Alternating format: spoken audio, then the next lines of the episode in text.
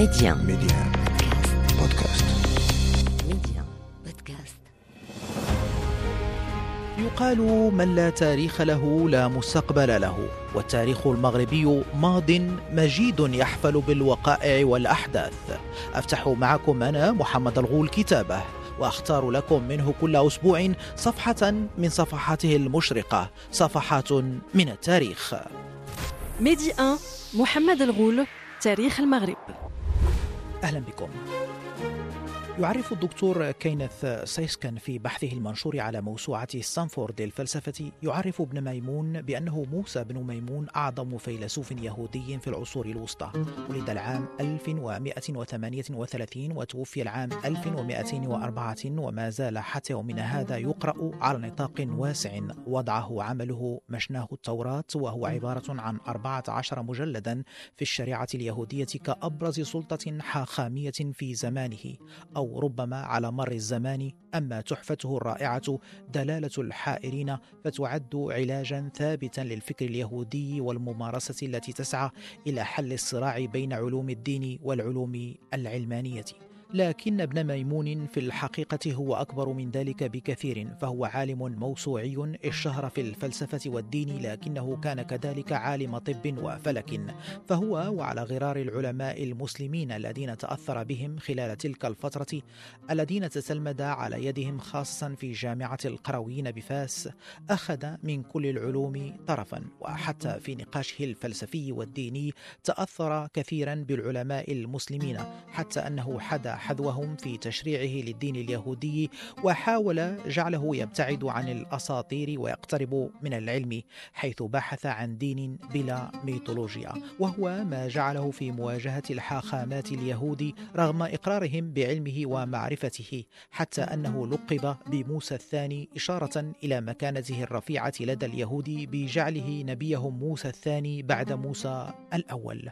وبلغ من تأثره بالفلسفة والعلوم الإسلامية أن قال قال عنه عبد الوهاب المسيري أنه حاول أسلمة اليهودية وذلك بإطفاء الصبغة التوحيدية التي ترى أن الله واحد متجاوز للطبيعة والتاريخ والإنسان. ابن ميمون هو كذلك نتاج لثقافة التسامح الديني التي سادت في الأندلس والمغرب خلال فترة الدولتين المرابطية والموحدية. ورغم حديث كثير من المؤرخين على أن الدولة الموحدية ضيقت على اليهود إلا أن الواقع يقول غير ذلك باعتبار أن ابن ميمون تلقى العلم في جامعة القرويين لسنوات طويلة وتحت علم الدولة الموحدية. رغم أهمية كتاب دلالة الحائرين الذي يعد أبرز أعمال وكتب العالم ابن ميمون إلا أن له أعمالا ومؤلفات أخرى كثيرة تشمل مجالات الشريعة والفلسفة والطب. نذكر منها مقاله الأول عن التقويم ما بين العامين 1158 و 1157 وضمنه قوائم التقويم الخاص لسنة العبرية والعام 1166 عمل على إعداد دليل للتقويم أكثر شمولا تحت عنوان قوانين القمر. وأصبح فيما بعد جزءا من كتابه تثنية التوراة الشهير. ثم مقاله فن المنطق يليها شرح المشناه وهو ما عد تحفة دينية أنهاها العام 1168 ويعد عمله الرئيس. وبدأ كتابته في مدينة فاس باللغة اليهودية العبرية أي بعبرية مكتوبة بحروف عربية. في الطب نجد له عشر مقالات بين الأعوام 1190 و 1204 وفي مقالاته هذه تأثر كثيرا بالأطباء المغاربة وكان يشير بشكل واضح في هذه المقالات لاتصالاته ببعض الأطباء في المغرب. الكاتبة تمار رادوفسكي في كتابها موسى بن ميمون وترجمه إلى العربية جمال الرفاعي قالت عن ابن ميمون إن ابن ميمون عرف بأسماء عدة فاسمه العبري هو موشي ابن ميمون وعرف في اللاتينية باسم ميمونيدز وعرف اختصارا في العبرية برمبام وهذا الاختصار يعني الحاخام موسى بن ميمون. أما اسمه العربي فهو الرئيس أبو عمران موسى بن ميمون بن عبد الله القرطبي الأندلسي الإسرائيلي وعرف أيضا باسم المعلم وبالطبع باسم النصر العظيم. وتضيف تمار رادوفسكي في موضع آخر من كتابها أن موسى بن ميمون وضع أعماله خلال القرن الثاني عشر الذي ازدهر فيه الفكر الأندلسي الآرسطي وكان من أهم الأسماء في هذه المدرسة كل من أبو بكر بن باجة الذي توفي العام 1139 وابن طفيل الذي توفي العام 1185 وابن رشد الذي توفي العام 1198 وعلى الرغم من أن ابن ميمون وابن رشد ولد في قرطبة وكتب أعمالهما في نفس الفترة فإنه ليس لدينا أي دليل يستدل منه أنهما قد التقيا. ومع هذا كان ابن ميمون على دراية بأعمال ابن رشد وأثنى عليها لكل من تلميذه يوسف بن يهوذا ومترجمه شموئيل بن تيبون. ولاحظ الباحثون وجود أوجه تشابه مثيرة بين ابن ميمون وابن رشد فأشار الباحث كريمر إلى أنهما من نسل عائلات أندلسية موقرة من العلماء كما أنهما من القضاة والأطباء البارزين. وكثير من المترجمين لابن ميمون يعتقدون في تأثر كبير له بابن رشد وأفكاره الفلسفية خاصة. وفي موضع آخر من الكتاب تقول رادوفسكي وعند التطرق لعلاقة ابن ميمون بالفلاسفة المسلمين نجد أنه اهتم للغاية بأعمال الفارابي وابن باجة وابن سينا وابن رشد غير أن الفارابي كان من أكثر الفلاسفة العرب الذين أشار إليهم في كتابه دلالة الحائرين. ومن الواضح أن ابن ميمون قرأه بعناية ورأى أنه يستحق مكانة رفيعة وكان الفارابي ينظر له بوصفه أرسطو الثاني لكثرة مقالاته وشروحه عن أرسطو وكان له تأثير بالغ في مجالات عدة على الفلسفة اليهودية في العصور الوسطى بما فيها المنطق وعلم المعرفة وما وراء الطبيعة والأخلاق والسياسة والتشريع.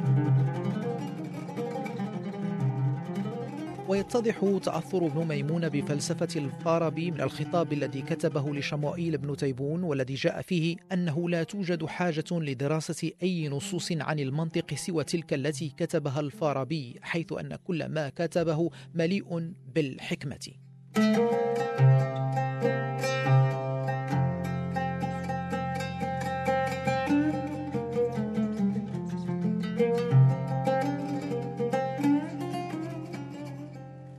نواصل معكم مستمعينا التعرف على المزيد حول هذه الشخصية العلمية الرفيعة في التاريخ المغربي الأندلسي موسى بن ميمونة مع ضيفنا الباحث في علوم السوسيولوجيا الأستاذ مصطفى العوزي.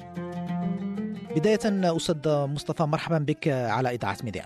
مرحبا وشكرا جزيلا على هذه الاستضافة الطيبة. أستاذ مصطفى كما ذكرت ابن ميمون شكل بهذا الشكل الذي تحدثنا عنه من خلال دراسته وربما استفادته من أبرز العلماء المسلمين تلك الفترة خاصة في الأندلس وفي جامعة القرويين شكل كما يصفه المترجمون له والمؤرخون له بأنه كان رابطا حقيقيا بين الشرق والغرب وقناة رئيسة مرت منها العلوم من الشرق إلى الغرب من العلماء المسلمين العلماء المسيحيين وشكل ذلك منطلق النهضة الفكرية الغربية كما نعرف جميعا في المسار التاريخي المعروف.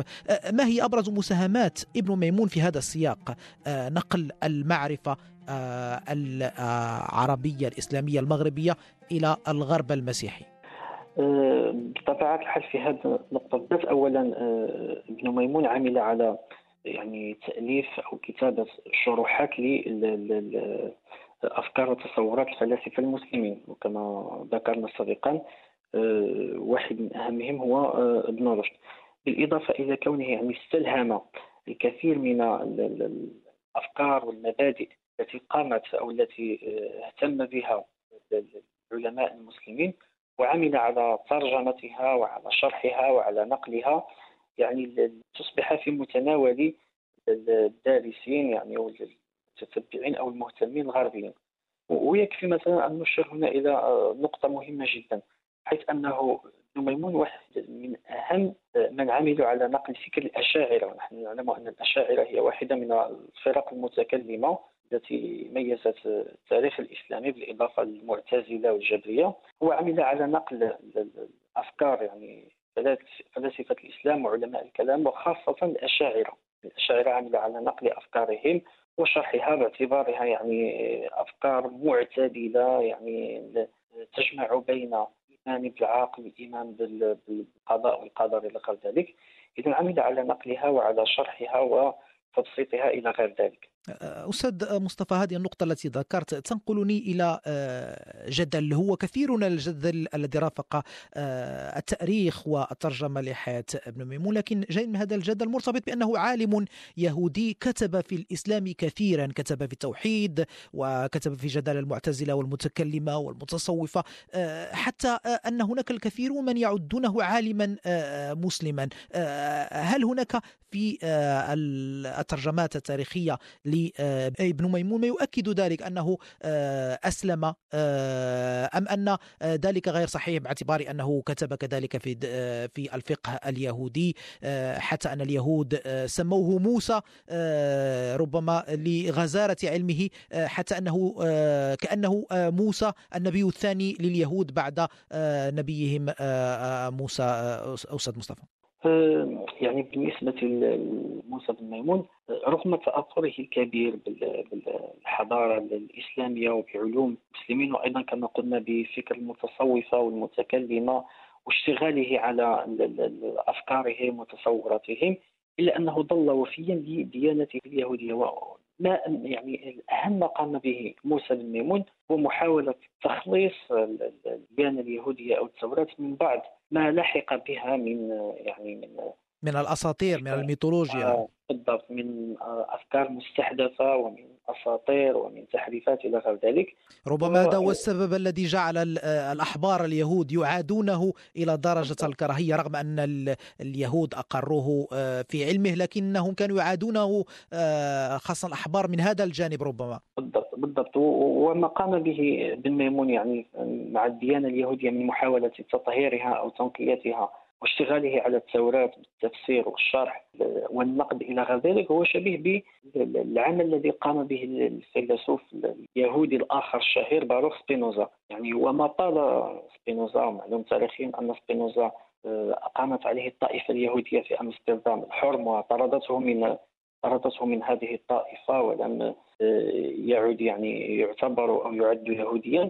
يعني آه، نفس الأمر بالنسبة لموسى بن ميمون رغم أنه لم يطرد من الطائفة اليهودية إلا أنه تعرض لانتقادات شديدة يعني لدرجة أنه في بعض الكتابات ولدى بعض المؤرخين حينما يذكر موسى بن ميمون يقال موسى بن ميمون الفيلسوف اليهودي المسلم يعني واحد آه، الربط يعني يعني أن أن تجتمع ديانتان في في شخص واحد. وهذا راجع كما قلت لتاثره الكبير بتعاليم و بعلوم و يعني الدين الإسلامي. ربما ناله ما نال العلماء المجددين في تلك الفترة. ما نال ابن رشد ناله كذلك آه، ربما من عداء نعم بالضبط. ما نال يعني أو ما عاناه ابن رشد مع الفقهاء يعني المتشددين يعني الذين يؤمنون بحرفيه النص وبعدم اجتهاد وأنه لا يحق للإنسان أن يجتهد في في النص نفس الشيء عاشه عاشه يعني موسى بن ميمون. فمثلا حينما نعود إلى كتابه مثلا دلالة الحائرين وهو يعتبر واحد من أعظم الكتب التي يعني تناولت الديانة اليهودية وهو في الأصل يعني الكتاب كما كما هو معلوم كتب في القرن الثاني عشر. وهو عبارة عن رسالة مكونة من ثلاث ثلاث كتب أو من ثلاث مجلدات آه، ألفها يعني بن ميمون على شكل رسائل موجهة إلى تلميذه يوسف بن عقمي. وفيها يعني يستعرض آراءه الخاصة حول الشريعة اليهودية كما يقدم نقده للكثير من التعاليم التي طالها التحريف وطالها التشويه من طرف بعض الحاخامات أو بعض رجال الدين اليهود. آه، تحدث أيضا في كتابه دلالة الحائرين عن العدالة الإلهية وعن علاقة الفلسفة بالدين وهذه نقطة مهمة جدا. يعني هناك فيلسوفان يعني مغربيان أندلسيان ربما الوحيدين في العالم ممن حاولوا إبراز العلاقة بين الدين والفلسفة وهما ابن رشد وموسى بن ميمون. ابن رشد حاول في كتابه آه، فصل المقال فيما بين الشريعة والحكمة من اتصال أن يبرز العلاقة بين الدين والفلسفة وأن كلاهما يكمل الآخر. نفس الشيء موسى بن ميمون في كتابه دلالة الحائرين حاول أن يشرح علاقة الدين بالفلسفة وأن يبرز أن كل من الدين والفلسفة يكمل واحد منهما الآخر. فالفلسفة باعتبارها دعوة إلى إعمال العقل في فهم وإدراك الأشياء يمكن آه، اتخاذها كوسيلة أو كطريقة أو كمنهج لإدراك حقيقة الخالق. يعني فإذا كان إدراك الخالق باعتباره باعتباره خالق الكون أو الله الواحد الأوحد فلا يمكن إدراكه إلا بواسطة المعرفة. والمعرفة هي معرفة بالعقل. والمعرفة بالعقل هي صلب أو أساس الفلسفة. أستاذ مصطفى كسؤال أخير ربما شخصية بهذا الحجم هناك اهتمام ربما نادر وضعيف وقليل في الكتابات المغربية وحتى الإسلامية بهذه الشخصية. لماذا أستاذ مصطفى هذا غياب الاهتمام بهذه الشخصية المتميزة في التاريخ المغربي الأندلسي؟ للأسف يعني في ما نعيشه اليوم يعني. ونعيشه منذ سنوات هو أنه الكتابة التاريخية في الغالب يعني هي كتابة متحيزة يعني أو كتابة يعني متواطئة يعني لا تأخذ الأحداث أو الوقائع أو الشخصيات يعني كما هي بنوع من العدل أو بنوع من المصداقية. هناك الكثير من الشخصيات المغربية يعني التي قرعت وأبانت عن علو كعبها في علوم ومجالات مختلفة لم يعني لم تنل حقها ولم تنل ما تستحقه يعني بالشكل الكامل. واحد من هؤلاء بطبيعه الحال هو موسى بن ميمون. يعني للأسف يحز في النفس آه، مثلا أننا لا نجد يعني مؤسسات تحمل اسم موسى بن ميمون أو حتى مثلا مركز ثقافي يعني يحمل اسم موسى بن ميمون. رغم أن هذا الرجل يعني قدم الكثير للحضارة الإسلامية و للحضارة المغربية بقدر ما قدم يعني في الحضارة اليهودية. وحتى بيته في مدينة فاس يعني يحمل لوحة غير واضحة ومهترئة تحمل اسمه لكنها لوحة غير واضحة لا يمكن أن ينتبه لها السائح أو المار ربما. بالضبط بالضبط يعني مقابل أن مثلا بن ميمون بالنسبة للغرب يعتبر مرجعا كبيرا ويحظى باهتمام وبمتابعة كبيرة جدا وبشهرة واسعة. يعني ليس فقط لكونه يهوديا وإنما أيضا لكونه عالما بارعا. في الحقيقة ما ينبغي القيام به يعني خصوصا ونحن نتحدث الآن عن تاريخ المغرب. يعني التاريخ هو جزء أساسي من هوية الإنسان. يعني وبالتالي جهلنا بتاريخنا أو بنقط القوة التي ميزتنا عبر التاريخ هو سبب رئيسي في انتكاستنا اليوم بمعنى أن ما نعيشه اليوم في الحقيقة يعني ونحن نتأمل أو نلاحظ السلوكات الصادرة عن مجموعة من الشباب والمراهقين وأن هناك موجة من الإحباط، موجة من من الضياع، موجة من التفاهة، يعني الكثير من الشباب غير قادرين حتى على تحديد هويتهم، يعني هناك غياب أو إشكالية عدم إدراك الهوية أو غياب الهوية. ولدرجة أنه أحيانا قد تسمع بعض الشباب يستهزئ مثلا من تاريخ بلده وهو في الحقيقة يعني له الحق في ذلك لأنه لا يعرف شيئا عن تاريخ بلده. المهمة هي مهمة صعبة ولكنها سهلة في نفس الآن. فيعني مثلا هذا البرنامج الذي نحن بصدده الآن يعني هو يقدم صورة عن تاريخ المغرب وعن الشخصيات التي ميزت الحضارة المغربية لكن ينبغي القيام بعمل آخر وهو عمل أيضا مهم. ألا وهو الاحتفاء مثل هذه الشخصيات من خلال تكريمها ومن خلال يعني التكريم أن يكون تكريما علميا ومعرفيا.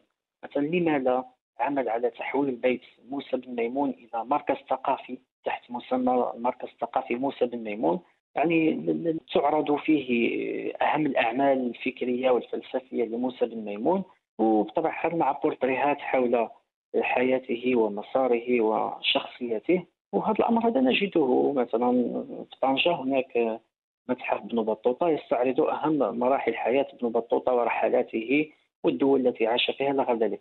قد يكون أمر شبيه بهذا مثلا نقيمه لموسى بن ميمون وهي فرصة ومناسبة ليطلع عدد كبير من الأفراد على هذه الشخصية الفريدة والاستثنائية يعني التي اجتمع فيها ما تفرق في غيرها. أكيد آه، التعرف على التاريخ آه، يفترض ذلك باعتبار أن هذه الشخصية هي جزء كذلك من التاريخ المغربي والتاريخ الغني لهذا الوطن. الأستاذ مصطفى العوزي الباحث في علوم السوسيولوجيا شكرا جزيلا لك على كل هذه الإضاءة القيمة حول هذه القامة العلمية التي وحدت في التاريخ المغربي الأندلسي ما بين قسمي المجتمع اليهودي والمسلم وأبرزت قيم التسامح التي كانت سائدة والتي ربما تتأكد خاصة في سنواته المعرفية في جامعة القرويين بمدينة فاس.